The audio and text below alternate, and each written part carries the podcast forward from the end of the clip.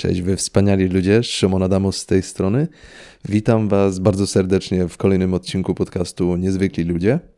Dzisiaj odcinek, którego bohatera mogą już znać subskrybenci mojego kanału na YouTube, ale jeśli słuchacie tylko podcastu Niezwykli Ludzie, to będzie dla was to nowość. Dzisiaj Ryszard Chojnowski, którego możecie kojarzyć z YouTube'a i z podcastów też, jako Grysława. Ryszard y, prowadzi na YouTubie świetną serię angielskiej dla graczy, która ostatnio miała trochę przerwy, ale Ryszard obiecuje, że niedługo wróci. Ale dzisiaj rozmowa z Grysławem na temat tego, czym zajmuje się zawodowo od kilkudziesięciu lat, czyli o lokalizacji gier, o tłumaczeniu gier na język polski. Ryszard y, opowiada o tłumaczeniu zarówno nowych gier, bo jego firma zajmuje się na przykład tłumaczeniem gier e, Blizzarda, ale też o dawnych latach, mm, latach, kiedy tłumaczenie gier nie było tak proste jak dzisiaj, bo na przykład tłumacze nie mieli do dyspozycji samych gier. Dostawali zlecenie na przetłumaczenie gry, ale nie mieli gry i musieli kombinować. Także dużo, dużo ciekawych, rewelacyjnych historii na temat zarówno tego, jak dzisiaj wygląda tłumaczenie gier w Polsce, jak i tego, jak, jak wyglądało 20 lat temu, 25 czy 30 lat temu, gdy dopiero to raczkowało na naszym rynku. Ryszard Chojnowski to jest y, pierwsza część rozmowy z nim, więc y, końcówka troszkę się rwie, ale to dlatego, że za jakiś czas y, zaproszę Was do drugiej części, w której będziemy już rozmawiali o samym Ryszardzie, a dzisiaj Ryszard Grysław Chojnowski i lokalizacja gier. Zapraszam i miłego słuchania. Dzień dobry, nazywam się Ryszard Hajnowski i od 20 lat zajmuję się lokalizacją gier komputerowych. I to jest moje główne zajęcie, ale oprócz tego zajmuję się różnymi innymi rzeczami związanymi z grami, jak na przykład nagrywaniem podcastów. E, przez pewien czas byłem także szefem projektu takiej małej gry o nazwie Wiedźmin.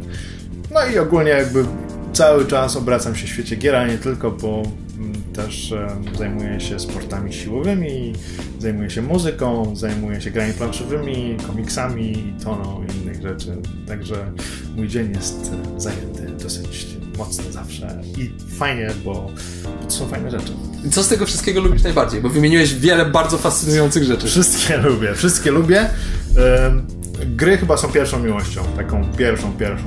Ja mm -hmm. pamiętam 79 rok, y, szara polska rzeczywistość. Y, idę statem moim y, ukochanym do salonu fotograficznego jego przyjaciela w naszym mieście, w brzegu. I w tymże salonie stoi telewizor czarno-biały i jest podpięty do niego węgierski klon Ponga. I ja jestem nie, to jest niemożliwe, mam 6 lat i nie wierzę własnym oczom. Jest coś na ekranie, co mogę sterować, mhm. co mogę kontrolować i naprawdę z punktu widzenia obecnego młodego człowieka to jest nic, to, bo, bo, ma to na co dzień od urodzenia, ale y, w 79 roku, kiedy w, y, w Polsce było bardzo biednie, szaro i, i ponuro, to możliwość i były dwa programy telewizji czarno-białej, tak? Znaczy była, była kolorowa, ale kolorowych telewizorów chyba nikt nie miał. Albo były rubiny takie wielkie, ogromne. Albo, albo, albo, foliowe nakładki, żeby był kolor. Na przykład u góry niebieskie, na dole zielone. No, nie widziałem czegoś takiego. Moja babcia coś takiego wow, miała. Nie wiedziałem. No. Także y, zobaczenie na ekranie telewizora gry, którą mogę kontrolować, mogę paletkami ruszać i odbijać piłeczkę, to było niesamowite, było jak magia. Mhm. I wydaje mi się, że wtedy tak chwyciło bardzo to, że, że, że grami bym chciał się zajmować. Oczywiście nie, później przez długi czas jakby nie miałem żadnego stycz żadnej styczności z grami komputerowymi, konsolowymi, no bo, no bo jak? Później się stan wojenny szybko pojawił po, po 81 roku i e, były inne gry, były szachy, grałem dużo w szachy właśnie, grałem w gry karciane różne, E, jak się pojawiły pierwsze gry tak typu Eurobiznes, to też się nie grało, chociaż teraz już patrzę na nie powiedzmy, może nie z pogardą, ale e, z niechęcią pewną. Bo, bo... Monopoly to jest jedna z najbardziej przereklamowanych planszówek, jaka istnieje. To jest koszmarna gra, tak, to jest tak. bardzo słaba, jest bardzo słaba gra, ale wtedy nic innego nie było. Wtedy mm, sprawiała radość. Firma Encore zaczęła wydawać gry takie jak Labirynt Śmierci, jak Gwiezdny Kupiec, które były znacznie lepsze niż, niż e, E, czy też Monopoly i, i graliśmy z kolegami w te gry. Później pojawił się też etap już komputerów 8-bitowych. Pierwszy znajomy dostał ZX Spectrum, do niego wycieczki, żeby, żeby w coś pograć. Później... River Ride i Boulder Dash? E, Boulder Dash tak, to na Commodore 64 głównie Boulder Dash, ale na, na ZX Spectrum te klasyki jak Jumping Jack, jak e, Nightlore, jak Saber Wolf, gry z filmu Ultimate Play the Game, jak moje ukochane Strike Force Cobra, który do tej pory uważam za jedną z najlepszych gier w ogóle w historii. Bardzo mało, bardzo mało, mało znana gra, mhm. bardzo, bardzo warta poznania. I, I tych gier na ZX Spectrum było mnóstwo, do tej pory mam ZX Spectrum i do tej pory jakby darzę ten komputer ogromną, taką, ogromnym sentymentem. Okay. No i później e, był Commodore 64, później Amiga, to już absolutnie mój kochany komputer. Już mówiliśmy przedtem, że, jak, że dlatego ukochany, bo kupiłem go za pierwsze zarobione pieniądze i miałem... e, pracowałem w księgarni, w której sprzątałem, takim byłem przynieść, po, przynieść zanieść, pozamiataj mhm. i y, zebrałem po kilku miesiącach pieniądze, na tyle pieniędzy, że po sprzedaniu Commodore 64 i do, dorzuceniu byłem w stanie kupić sobie Amigę i bardzo dumny kupiłem za własne pieniądze Amigę 500, no, która, w której się zakochałem. Tak? Jeśli można zakochać się w kawałku sprzętu, no to Amiga jest taką moją pierwszą, najważniejszą miłością. Zdecydowanie. Którą pamiętasz do dzisiaj? Do dzisiaj, Ale... do dzisiaj korzystam z Amigi. tak? Znaczy gram, gram. Ten... Sprzętu masz dość i tak. raz na jakiś czas, rozumiem, wybierasz tą Amigę. Tam tak, tak, tak. Są gry amigowe, które są dla mnie takimi absolutnie ponadczasowymi tytułami i z którymi wydaje mi się, że pozostanę Super. na długo jeszcze. Ale to ty byłeś geekiem w ogóle zanim to było, no, nie, nie, że było modne, zanim w ogóle było słowo geek w słowniku. No chyba tak, bo jeszcze w 80 latach byłem jednym z pierwszych członków y, Brzeskiego Klubu Fantastyki Astron y, brzegu działał bardzo prężny klub e, fantastyki, który stał się popularny po tym, jak w gazecie Świat Młody, była ta gazeta w latach 80., 70., 80., która słynęła też z tego, że na ostatniej stronie był komiks zawsze. Mm -hmm. ja przez 10 e, lat codziennie, znaczy co dwa dni, bo Świat Młody wychodził w takich e, odstępach, wychodził w poniedziałki, w, przepraszam, wychodził we wtorki, czwartki, soboty. Mm -hmm i, i, i w tych dniach się kupowało, żeby, żeby ten główny komiks przeczytać. Tam były, to była klasyka polskiego komiksu. Był Tytus, był Kajko i Kokosz, był Binio Bill, były komiksy Tadeusza Baranowskiego, którego uważam za absolutnie największego geniusza polskiego komiksu w historii. Z całym szacunkiem dla babcia Chmiela i, i Janusza Christy, których e, będę wielbił do, do końca moich dni, ale Tadeusz Baranowski jest dla mnie idol ponadczasowy. Okay. Ale e, przepraszam, tak, e, krążę wokół tematu. Krążę wokół tematu. W każdym razie w, w świecie młodych był kącik filmowy. I w 80 latach do Polski weszły Gwiezdne Wojny i Imperium kontratakuje. I klub Astron postanowił, że założy taki fan klub Gwiezdnych Wojen. I informacja o tym została wydrukowana w świecie młodych. I do Astronu zaczęły workami przychodzić listy z prośbą o przesłanie fotosów z filmu, o informacjach o filmu. Nie było tak, że. Zaczęło nie, się. Nie było internetu, tak? Jasne. Człowiek szukał informacji wszędzie, gdzie można było. Ja pamiętam taka historia abstrakcyjna, ale pokażę jakby szał, jaki panował na temat odnośnie Gwiezdnych Wojen Imperium atakuje w latach 90. Był rok 83 czy 4 i y, na zachodzie już dawno było Imperium kontratakuje, tak? W Polsce miało wejść na, y, do kin w 85 roku. Mhm. I y, w mojej szkole, w pierwszej mojej szkole podstawówce, ja miałem wtedy, byłem w tej czwartej klasie, w sklepiku szkolnym były sprzedawane odbitki z pisma Brawo, były zdjęcia, były czarno-białe zdjęcia z pisma Brawo z, ze zdjęciami stron z, z Imperium Kontratakuje. I dzieci to kupowały, tak? Jakiś sprytny nauczyciel sobie tak zresztą wymyślił. No, no, no. Także brało się pismo niemieckie Brawo, bo nie było w Polsce pisma Brawo, tak? Bo pismo Brawo niemieckie, ktoś fotografował, fotografował strony z tego pisma, robił odbitki i sprzedawał to dzieciom, żeby one mogły patrzeć na, na, na na fotosy. Ja chciałem tylko moje. wyjaśnić młodszemu odbiorcy, jeśli tu jest jakiś młodszy odbiorca poniżej 30 roku życia, że gazety to jest coś takiego, co teraz włączacie na iPadzie. Nie, nawet nie, nie włączacie na iPadzie. Dobra, nieważne, nieważne. Papierowe takie. Takie papierowe, szeleści trochę, ale nie musicie się tym przejmować, tego już nie ma i umiera w ogóle. No, i, i, i, tak to wyglądało, że, że jakby e, w, w Astronie było dużo jakby materiałów z Gwiezdnych Wojen, które oni zbierali, e, czy też zbieraliśmy przez, przez wiele lat i, i te fotosy były wysyłane, więc byłem tak członkiem Astronu od, od pacholęcia, od 83 roku, czyli jak miałem 10 lat już, tak? Więc już gdzieś, gdzieś nawet mam legitymację z, z, tamtego, z tamtego czasu. I, i no i, i tam były też książki fantastyczno-naukowe. Ja fantastykę chłonąłem od, mhm. od, od, dzieciństwa. To, to... No to powiązane bardzo mocno. Tak, no, ja miałem, miałem to szczęście, że u mnie w domu zawsze była duża biblioteka. Tak? No, miałem, u mnie w domu było kilka tysięcy książek i był, był, był Lem, którego czytałem od, nie wiem, jak miałem 7 lat, chyba bajki robotu przeczytałem. Łe, no to teraz już rozumiem, to, to byłeś skazany praktycznie tak, na, tak, no, na taką pasję. Plus ogólnie fantastyka, nie tylko taka science fiction, plus fantastyka taka e, powiedzmy metafizyczna jak Mistrz Małgorzata. Mistrza Małgorzatę przeczytałem jak miałem 11 lat po raz pierwszy. Później, o kurde, to nieźle. No. I, I moja mama mi ją podsunęła, także spróbuj. Jak przeczytałem pierwsze strony, pierwsze strony jak, jak, jak się pojawia, pojawia Woland i kot, tak wow. Stary, to ja wtedy chyba jeszcze Kubusia Puchatka przeczytałem. Jak, jak miałeś 11, jak ja miałem 11 lat, to ty się rodziłeś. A no tak, w sumie racja. Tak. Jesteśmy starzy. Więc... Y, więc, y, no i y, pamiętam, że też od, od, same, od samego pacholęcia też były komiksy, nie wiem, w 82 roku dziadka, w 81 dziadka dostałem pismo Relax, już jeden z ostatnich numerów, pisma, pisma Relax. No i to był szok też. Mm.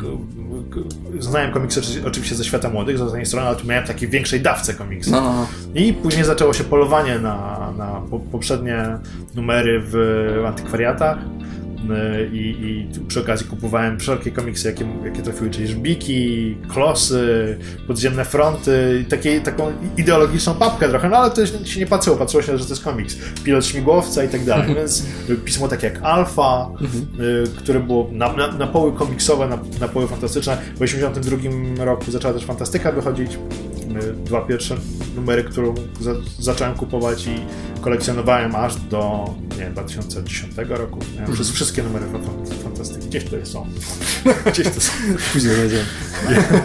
I, więc no jakby byłem, tak, byłem skazany na fantastykę i, i to się przedłużyło na całe moje życie, tak? To jakby wytyczyło kierunek, jakim podążałem i ja pisałem też pracę magisterską z Tolkiena, tak? Więc... Ekstra. Jeszcze te, też przed, przed, etapem filmowym. No, jeszcze, jeszcze... Być może byłeś jednym z prekursorów wydaje mi się, że ta... prac magisterskich. Wydaje mi się, że tak, bo, bo przede mną nikt nie napisał pracy no, magisterskiej no właśnie, no właśnie, no, Teraz to pewnie jest tego napęd. I z tego, co wiem, z tego, co słyszałem e, od mojego promotora, którego spotkałem po prawie 20 latach, w, w ubiegłym roku go spotkałem, czy 19 lat minęło od napisania pracy magisterskiej, ona była dosyć dużo, często o, cytowana, więc, ekstra, więc ekstra. super. Tekst źródłowy wielu kolejnych prac. Tekst, no, co, co, co mnie pociesza, no. Bo w tym roku 20 lat od magisterki. No a, a, jak wszedłeś w rynek gier już tak wiesz, nie fanowsko, nie grając z kumplami na Malize e, i ZX-ie, tylko... To, to się zaczęło od tego, że było takie pismo Secret Service, pismo ponownie informuję, to coś takiego papierowego. Tak, pismo, a Secret Service to sobie wygooglajcie, albo tata wam powie.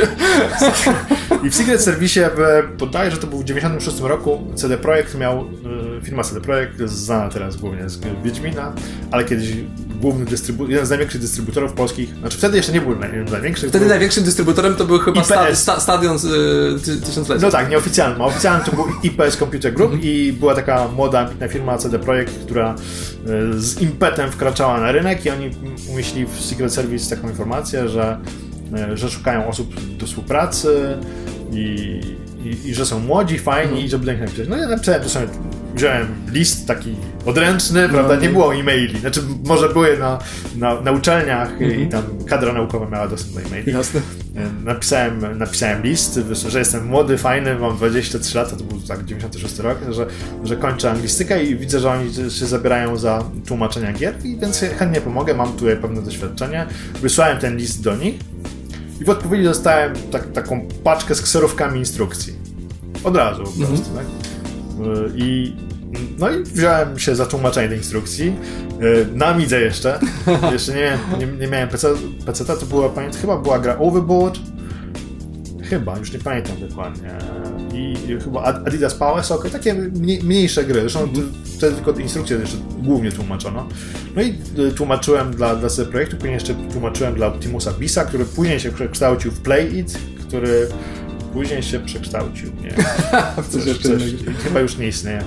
E, e, no i tak z CD Projektem jakby się zaprzyjaźniłem. W 99 roku była robiona gra Pizza Syndicate i, i tam było bardzo dużo, dużo tekstu na ostatnią chwilę przyszło. Ja powiedziałem, że mogę w ogóle przyjechać do nich do biura i, Super. i tłumaczyć na miejscu, jak, jak trzeba. No i przyjechałem, poznałem Marcina Iwińskiego i Michała Kicińskiego i tak się jakoś skumplowaliśmy i, i oni powiedzieli, że, że Pizza Syndicate będzie kończona w ogóle w Niemczech i, i czy nie chciałbym z nimi pojechać do Niemiec, żeby tam to dokończyć, test, testowanie i tak mhm. dalej. No i pojechałem z nimi, było, było, było fajnie, udało się tą pizzę zrobić i pamiętam na początku, to był koniec 99 roku, pamiętam wtedy mój starszy syn się rodził i 2000, na początku 2000 roku Marcin Wiński dzwoni do mnie, mówi, że, że Diablo 2 się szykuje, nie? I czy chciałbym pracować. Nie, w ogóle nie, nie. Pierwszy, pierwszy słyszę nie, nie chciałem nic pracować. Mam inne zajęcia. A, mam inne zajęcia, właśnie, właśnie chciałbym, chciałbym zająć się, e, nie wiem... Plewieniem ogródka. Chociażby, chociażby. Nie miałem ogródka, ale wtedy jeszcze, ale tak, chociażby tak. I e, zadzwonił e, do mnie i mówi, że jest taki problem, że trzeba pojechać na 3 miesiące do Irlandii, bo tam będą intensywne testy. Ja mówię, co, 3 miesiące? Pamiętasz, ile zrobiliśmy pizzę syndicate? Myśmy tam 3 dni wszystko zrobili, nie? Pojedziemy i w tydzień prostu tam. I, I Marcin potakiwał, tak myśleliśmy, że, że rzeczywiście tak będzie, ale to było tak naprawdę pierwsze zetknięcie z tym, jak wygląda lokalizacja na zachodzie. I a jak wygląda lokalizacja? Znaczy wygląda, teraz wygląda tak samo w Polsce, tak? Ale wygląda, kiedyś w Polsce lokalizacja wyglądała tak, że gry mm, otrzymywaliśmy do testów, znaczy nie, nie do testów, do, do zrobienia, kiedy już wyszły na zachodzie. A. Albo kiedy były w takiej absolutnie końcowej fazie. Trochę jak z książkami dzisiaj jeszcze. Tak. Czyli na przykład, kiedy y, taka gra Planescape Torment, zresztą tutaj jest tam za tobą, jest mm -hmm. tutaj. kiedy zaczęliśmy pracę nad Tormentem, to był koniec 99 roku i wtedy gra wyszła na zachodzie, a myśmy ją, w, a w Polsce została wydana w maju e, albo czerwcu 2000 roku, czyli po ponad półrocznym, po, ponad pół roku pracy. I e, to było normalne, tak? Często było w ogóle tak, że e, dystrybutor musiał kupić grę, złamać ją, ofic wow. oficjalny dystrybutor, tak? Wow. Bo nie było żadnego wsparcia. Czyli by, byli programiści, którzy łamali gry, wyciągali z nich teksty, E, wyciągali z nich dźwięki, wyciągali z nich grafiki i, i myśmy dostawali. Wtedy to było tak, że bardzo często, że jedna osoba tłumaczyła, tak? Oprócz takich dużych tytułów jak, jak Torment czy, czy Baldur's Gate, ale, dużo tytułów dla CD, CD Projekt, który robiłem sam, w sensie, że, że, sam tłumaczyłem, ale było to o tyle fajne, że jakby gra była gotowa, nic nie było, nie było żadnych takich Y, tekstów tymczasowych, nie było jakichś e, niedokończonych kwestii, wszystko było już gotowe, tak? Tłumaczyłeś konkretny produkt, który już jest zakończony, który można wziąć i, i, I zagrać po prostu. Wziąć, zagrać, można, można było e, programista Maciek Marzec, geniusz też absolutny moim zdaniem, potrafił zrobić takie narzędzia, że można było te teksty, które przetłumaczyłem, od razu rzucić do gry i sprawdzić, jak, jak to wygląda, co, co od razu bardzo ułatwiało. Zresztą grałeś o grę i wiedziałeś, co gdzie jest.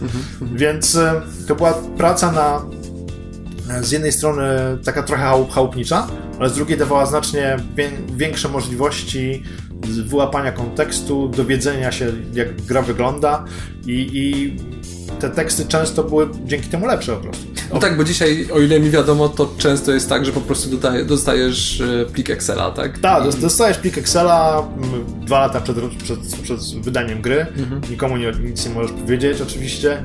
Sam nic nie wiesz w tej grze. Masz może jakieś obrazki, ale czas, czasami nic, w ogóle zero kontekstu i, i tłumacz, tak? I, mhm. I starasz się tłumaczyć i to później idzie do kogoś innego, kto e, te teksty sprawdza już, już u, u twórcy. Ale to jak się wyłapuje błędy? W którym etapie? Jak pomylisz tank, e, tak jak było w Wolverine e, Origin, tank był przetłumaczony tak? jako zbiornik, a w filmie był wyraźnie czołg. widoczny czołg. No, to taki albo mine, tak? Że, no. że, że, że albo, albo miny, albo kopalnia.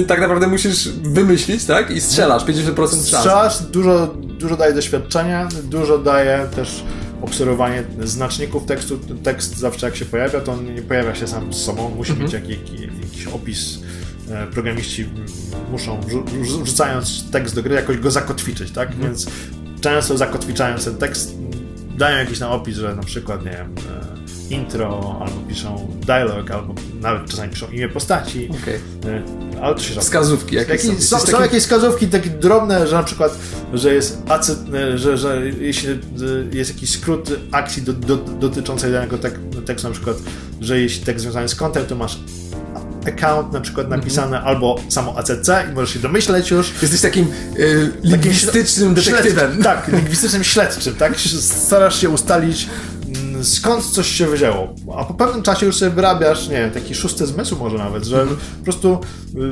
widzisz tekst jump i nie, nie musisz się, się zastanawiać, czy to jest skok, czy podskoczyć, czy skocz, czy dialog. Po prostu wiesz na podstawie ciągów tekstów, które były przed nim albo będą po nim, y, będą po nim, że to jest na przykład y, komenda skok, tak? Okej.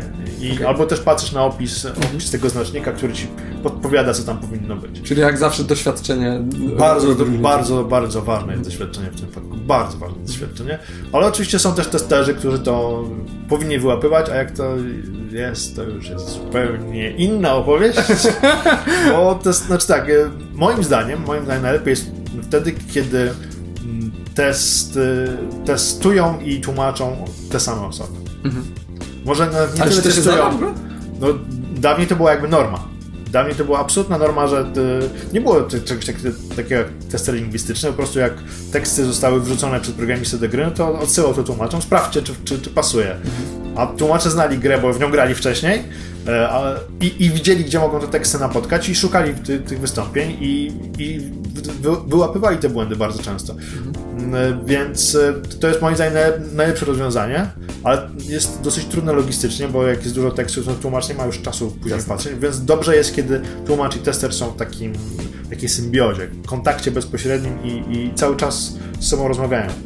To wtedy jest ok. Ale bywa tak, że testerzy i e, tłumacze mają zakaz kontaktu. Zakaz. Dlaczego? Korporacji. Aha, okej. Nie wiem. Okay. Nie. Bo myślałem, że może jest jakieś logiczne Nie, nie, uzasadnienie. moim zdaniem nie ma żadnego, to jest kretynizm, absolutny. No, ale mają zakaz kontaktów i nie, nie mogą w ogóle rozmawiać na ten temat, nie mogą, mo, nawet na stopie koleżeńskiej, ba, są, są w, w tych dokumentach NDA są za- zapisy, że nie można o tym rozmawiać. Co Przy piwie nie możesz porozmawiać. to jest, jest znaczy, okej, wiadomo, że, że lepiej nie rozmawiać przy piwie o tajnym projekcie z, z jakąś nieznajomą osobą, ale y, tłumacz z testerem powinni być cały czas w kontakcie, żeby, Jasne. y, żeby podawać sobie wskazówki. Na przykład, żeby tłumacz wytłumaczył, czemu wziął tak, taki, a nie inny związek frazeologiczny i, i y, żeby tester nie, nie wycinał czegoś, co było zamierzone. Na przykład coś, co wygląda jak błąd, mogło być zupełnie zamierzonym tłumaczeniem. I, i y, czasami tester w swojej Mięsny jesz na przykład. Czasami tester w swojej, powiedzmy, w- y, fanatyzmie wycinania czy poprawiania może, może zrównać wszystko, tak? Y, I usunąć tak naprawdę jakiś styl, w którym ty pracowałeś, tak? Przyjdzie walec i wyrówna, i, a, a nie o to chodzi. No bo z tłumaczeniami to jakby no to frazes, tak? Ale od, od zawsze wiadomo, że tłumaczenie to jest trochę pisanie tego na nowo, tak? tak, Tworzenie tak, tak, naprawdę. To jest jakby, czy to jest, e, tłumaczenie bywa sztuką, bywa sztuką, ale najczęściej jest to rzemiosło po prostu i dobrze jest być dobrym rzemieślnikiem. Mhm. Czasami rzeczywiście tłumaczenie y, dodaje do tekstu coś więcej. I, i wydobywa z niego takie aromaty, których, których tam tylko gdzieś pow- delikatnie dawały znać, że są, a tłumaczenie potrafi wydobyć z nich e, to, co najlepsze. No, są tłumaczenia, nie wiem, takie, które i- jeśli przeczytasz Kubusia Puchatka po angielsku, czy Winnie the Pooh, czyli w, w, Fredzie Phi Phi, po, po angielsku i po polsku, to są jednak trochę inne książki, ale e, e, pani Tuwimowa, która przetłumaczyła e, Kubusia na polski, dokonała rzeczy niezwykłej, bo napra- naprawdę napisała na nowo znaczy, jak czytasz po angielsku i znasz polski, to, to, to, to, to po prostu to, to, to nie ma żadnego problemu. Tak? Ale czytając po polsku, to czytasz jednak trochę inną książkę. Ale jakby w tym samym klimacie, w tym samym klimacie, ale książkę, która tak by miał wrażenie, że została napisana po polsku. I to jest taki dla mnie święty graal. Kiedy gracz, odbiorca nie zauważa tłumaczenia. Kiedy, kiedy przyjmuje je z całym dobrodziejstwem inwentarza, kiedy nie zastanawia się, co to, co to jest za dziwne zdanie. Kiedy chłonie je, kiedy przyswaja bez, żadnych, bez żadnego ale, bez żadnego głosu sprzeciwu, kiedy jest dla niego czymś absolutnie naturalnym. Dużo razy ci się udało coś takiego osiągnąć? Nie wiem, to trzeba się odbiorców zapytać. Wydaje mi się, że, że jest kilka takich gier, które, które wydaje, wyszły całkiem nieźle. Tak? Wydaje mi się, że... A z których jesteś najbardziej zadowolony? Z tych projektów, które robiłeś? E, jestem zadowolony z Bard's Tale, bo tam są fajne piosenki, które udało mi się fajnie przetłumaczyć. I, i pamiętam jak, jak wyłem, bo ja jak przetłumaczyłem piosenkę, ja, znaczy jak, jak tłumaczę piosenki, ja zawsze sobie śpiewam. I na całe szczęście nie ma wtedy nikogo obok. Bo to, był, to jest groźne dla, dla otoczenia, e, powiedzmy. I, ale tutaj w przypadku Balcej było tak, że ja dzwoniłem do studia i śpiewałem te piosenki. I do tej pory tam słyszałem opowieści od, od traumatycznych przyczyn. Niektórzy inżynierowie dźwięku mają do tej pory koszmarne sny. Pani Ryszard. Dzwoni Ryszard. Nie, nie, nie, nie, choruję, nie, nie. No i ja im śpiewałem, tak? Że po prostu na, nadać pokazać, jak, że, że, że można te słowa. celujesz? Tak, że można te słowa zmieścić, że, że się układa w rymie Mhm. i, i, i rytmie, i w całej melodii utworu. E, I dlatego bardzo lubię. lubię. Lubię Tormenta, chociaż e, od razu mówię, że Tormenta nie całego tłumaczę. Jakby tłumaczyłem główny, e, kontrolowałem całość, tak? Kontrolowałem całość, opracowałem ten, ten cały żargon, który jest tam wykorzystywany w Tormencie i, i, i jakby, no i dużo, dużo tekstów tłumaczyłem, ale to 9 osób pracowałem. No tam więcej tekstu niż w niejej bibliotece. Tak, więc- tak, tak. Tak samo było z, z Baldur's Gate 2, które do tej pory jest uważane za taki, no powiedzmy, bardzo dobre tłumaczenie. A moim zdaniem jest średnie. Bardzo średnie. Jest mnóstwo baboli do tej pory. E, Z Warcrafta trójki jestem zadowolony, ale zawsze, zawsze mnie śmieszy, jak e, czytam na forach, że mm, z okazji, jak się pojawia jakiś dodatek do Hearthstone'a albo jakaś karta z Hearthstone'a jest i y, komentarze typu weźcie, wywalcie tych debili, co, co tłumaczą Hearthstone'a i zatrudnijcie ludzi, którzy Warcrafta trójkę robili. A to ci sami ludzie. No to jest sami ludzie, tak. Dzień dobry. A no właśnie, ale jak to jest?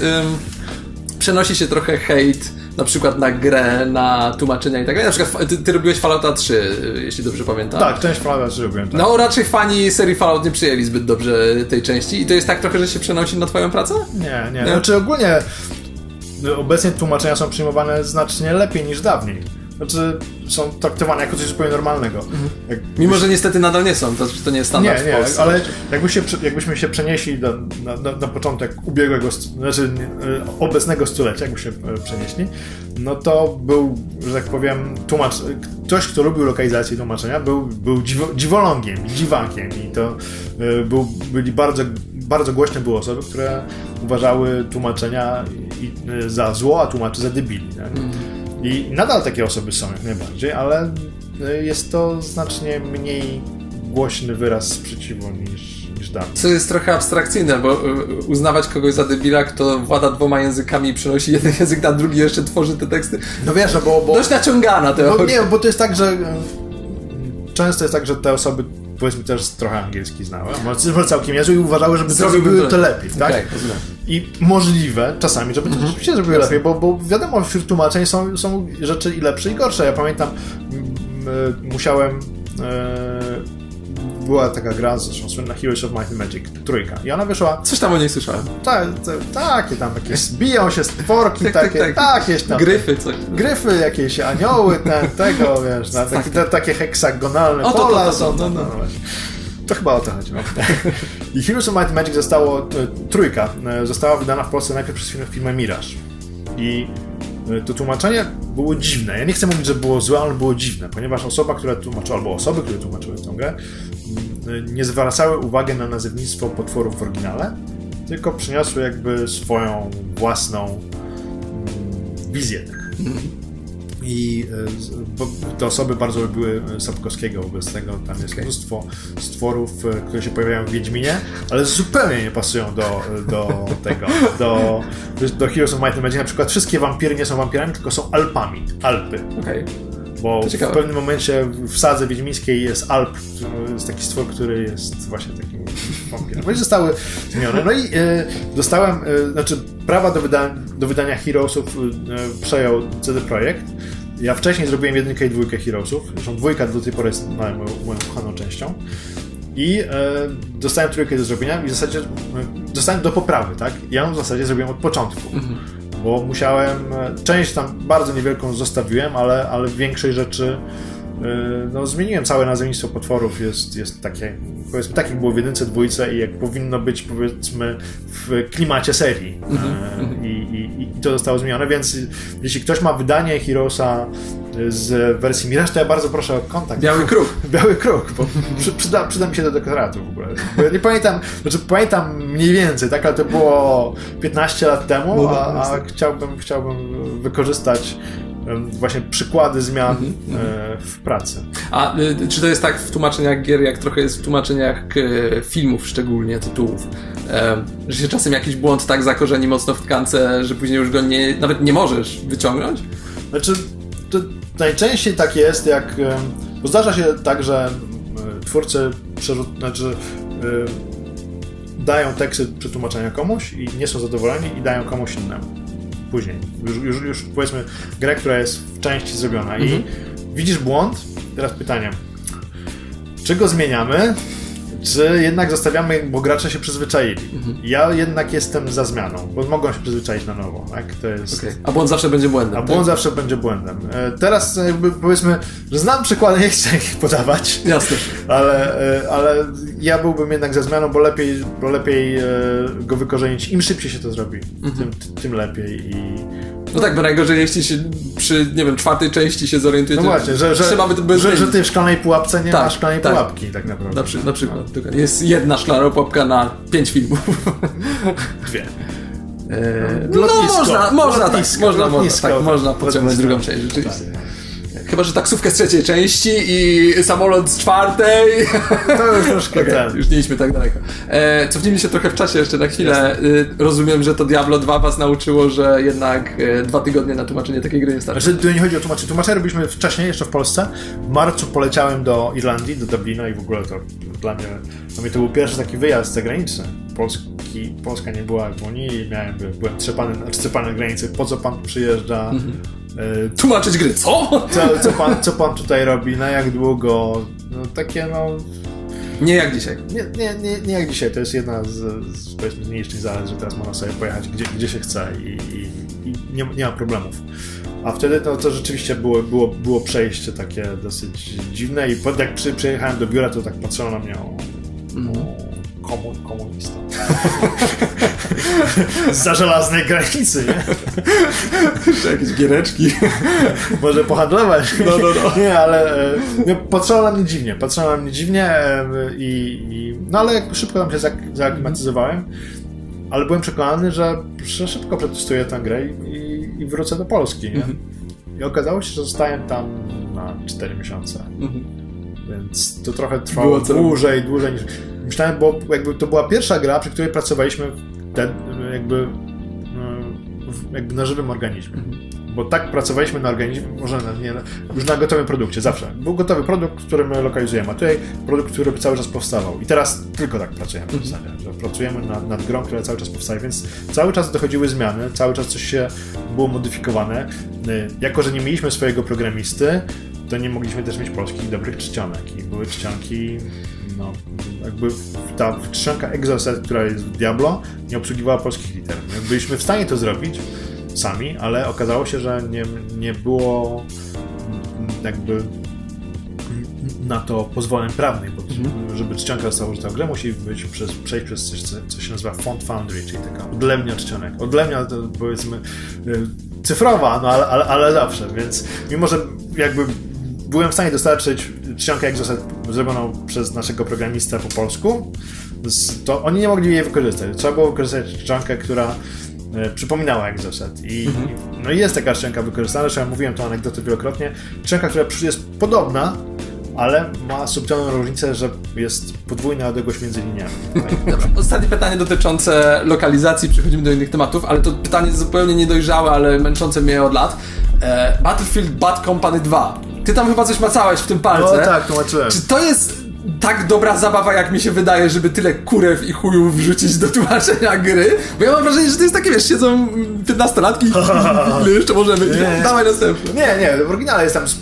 Nie mamy dużo Chujów No, nie e, ma żadnego, przepraszam. Nie, nie, lubię takich Trochę tak, trochę tak. Jest... y, Bywały gorsze gry, na przykład y, Bulletstorm. O, to tam jechali już na bez trzymanki. Tak. A to też wasza? To opowiadaj.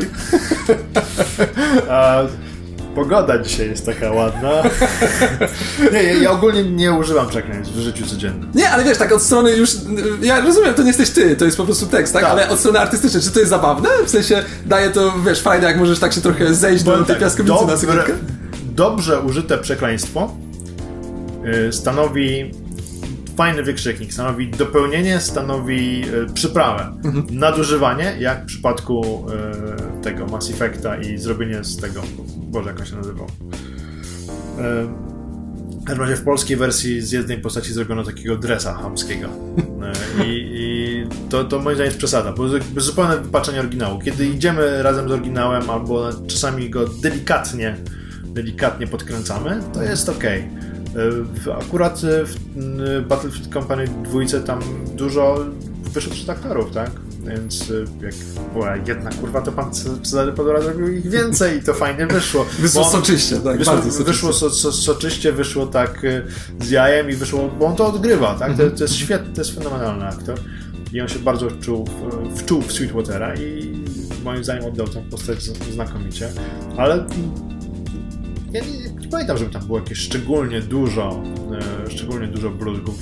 One są użyte e, akurat e, w takiej ilości, jakie, jaka moim Znaczy, mi to totalnie pasowało, bo to jednak było wojsko, tak? Nie, to Jak tam ja tam pamiętam jak pisałem, to, to znaczy pisałem, czy tłumaczyłem tę, tę scenę z, z lotu z helikopterem, jak ten, jak ten pacyfista, e, e, e, który był pilotem, opowiada, że, że żeby wyluzować, jak omija te rakiety i on tam to trochę klnie. No nie, to, to fajne było, fajne. Ale tak naprawdę te, te sceny ożyły po, po zdubbingowaniu, tak? To jest na przykład dobry przyczynek do tego, dobry przykład tego, że dubbing wcale nie, nie umniejsza, czy nie pogarsza gry. Jeśli to jest dobry dubbing, to potrafi tę, tę grę wzmocnić i akurat dubbing Bad Company 2 moim zdaniem jest wyśmienity.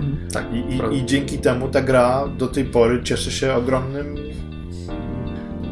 z ogromną sympatią Tak. rzeszy graczy i widziałem różne zestawienia najlepszych scen i tam jak, jak sobie żarty rzu- rzucają te scenki o Predatorze, bo czy, część tych scenek, znaczy część tych wy, wy, wymian dialogów ich nie ma w oryginale, tak? Znaczy myśmy je napisali, albo ja je napisałem wzorując się trochę na oryginale, ale są jakby napisane od, od podstaw. Utrzymać styl, ale Tak, dodać tak, także, także tam są... słowiańskiej duszy. Może niekoniecznie słowiańskie, ale tak, żeby było bardziej czytelne niektóre, bo niektóre są bardzo osadzone w, tak, jakby w amerykańskiej kulturze, które ja musiałem sprawdzać, wiesz, w Google'ach, w encyklopediach, o co, chodzi, o, co, o, co, o co w tym chodziło, więc no, nie będę dawał przypisów y, do, do, do gry, nie można dać przypisu. No, no, no. Tutaj to jest taki żar, który pojawił się po raz pierwszy w New York Times w 50 którymś roku i od tej pory jest często używany w rozmowach y, pomiędzy żołnierzami, szczególnie kiedy coś tam, coś tam. Więc trzeba było coś innego wymyślić, co zadziała podobnie, co podobnie zapunktuje Jasne. Jak, jak, jakiś akcent nada wypowiedzi. Akurat wydaje mi się, że Bad Company 2 to jest, to jest gra, która wyszła, wyszła fajnie. To spróbuj jeszcze tak samo elokwentnie obronić, obronić Bulletstorma. Bulletstorm e, to jest y, to, e, o tyle ciekawy przypadek, że ta gra była tworzona przez Polaków. Przez, przez People Can Fly, prawda? I e, ja pamiętam, że myśmy dostali, najpierw do przetłumaczenia dostaliśmy te skillshoty, czyli te, te nazwy e, dziwnych, dziwnych e, Akcji. akcji, które można w grze wykonać, jak można z, zlikwidować przeciwnika na, na różne sposoby i tam każdy z nich, z nich miał swoje nazwy i myśmy wymyślali te nazwy. Później patrzę w grze, to kurde, to nie są te nazwy wszystkie, które wymyśliliśmy, nie? Coś tam się pozmieniało. Okazuje się, że nasze nie weszły, weszły od autorskie. No i w zasadzie dobrze, no bo to autorzy myśleli, ale jak powiedzmy tak w 75% się pokrywały, tak? Czyli nasze pomysły tłumaczy były takie same jak autor. Natomiast te, te dialogi tłumaczyliśmy, tłumaczyliśmy już, już my. Mm, No tam było, no to jest taka gra, w której bohater jest y, Huncfotem, hultajem takim, łobuzem. Wow, ładnie powiedziane. Ładne, ładne eufemizmy, eufemizmy na chama. Jest gburem, nie zawsze zachowuje się odpowiednio, nie zawsze wybiera właściwie kieliczki do wina i dlatego czasami wymsknie mu się jakiś tam, jakieś słowo obelżywe Okej, na określenie sytuacji, Okej. w jakiej akurat zdarzyło mu się pojawić. kupuję to. I czasami, no powiedzmy, ta frustracja, która go ogarnia z powodu tych niewłaściwie wybranych kieliszków na wino i to, że przeciwnicy nie chcą pić tego wina, które on serwuje, powoduje, że eksploduje od wewnątrz i wygarnia im czasami. od- Dobrze, że tekstem, a nie pięścią. Pię- karabinem najczęściej. Też, też. Teraz w ogóle wychodzi, ba- bardzo mnie ciekawi, co to będzie no, z tym y, full clip edition, Tak, tak? tak, tak, bo, tak. To, bo to jakby autorzy People Cafanie chyba nie mają nic wspólnego. No chyba nie, znaczy nie, Nie wiem, wiem, nie domyślam się, że nie, Ale... ale... Na pewno Adrian Chmielarz nie ma nic Tak, wspólnego, bo tak. widziałem na, Twitterze zdziwiony, jak zobaczył zwiastun ten nowy, który z gry, która jest komediowa, zrobił taką tak, poważną opowieść. Tak, opowieść, tak, tak. To jest, to jest, to Bulletstorm to była świetna gra. Tak, to prawda, która Świetna niestety gra. słabo się sprzedała. No, a- ale nie na służenie, bo to, Tak. to jest jedna z zabawniejszych i lepiej zaprojektowanych gier strzelania z pierwszej osoby, jaką widziałem. Świetna opowieść. Miałem przyjemność przed premierą robić wywiad z, Andrza, e, e, z Chmielarzem em, i, i on powiedział na koniec tego wywiadu jedną rzecz, która się później sprawdziła, że ma nadzieję, że Bulletstorm się sprzeda, bo jak nie, to przez następne lata będziemy grali tylko w militarystyczne shootery. Przez następne No, lata graliśmy tylko w to mi militarystyczne shootery. Ale, to, ale wiesz, nie no, wyszedł też Borderlands, prawda? Tak, tak, tak. To Borderlands, już lepiej poszło. No i, i Borderlands się świetnie sprzedało, ale później jakby kontynuacja, znaczy kontynuacja, duchowa kontynuacja Borderlands, czyli Battleborn. To, Już masakra. To, to, Ale oni się fatalnie wstrzelili. Fatalnie się wstrzelili. Fatalnie, za pomysł w ogóle. Ja grałem w Battleborn w betę, pamiętam jeszcze jak nagrywałem gry słaba, powiedziałem, że to będzie w topa, bo to jest słaba gra po prostu. Mhm, I, I rzeczywiście, to, no, kurczę, to jest jeszcze tak, tak wstrzelić Tak. się, że kiedy Overwatch wychodzi, Właśnie, no, dokładnie. kiedy wychodzi gra Blizzarda, wydawać własną grę, to jest Podobno to jest naprawdę szubienica założona tak własne no, no i nikt nie gra w Battleborn. Niestety.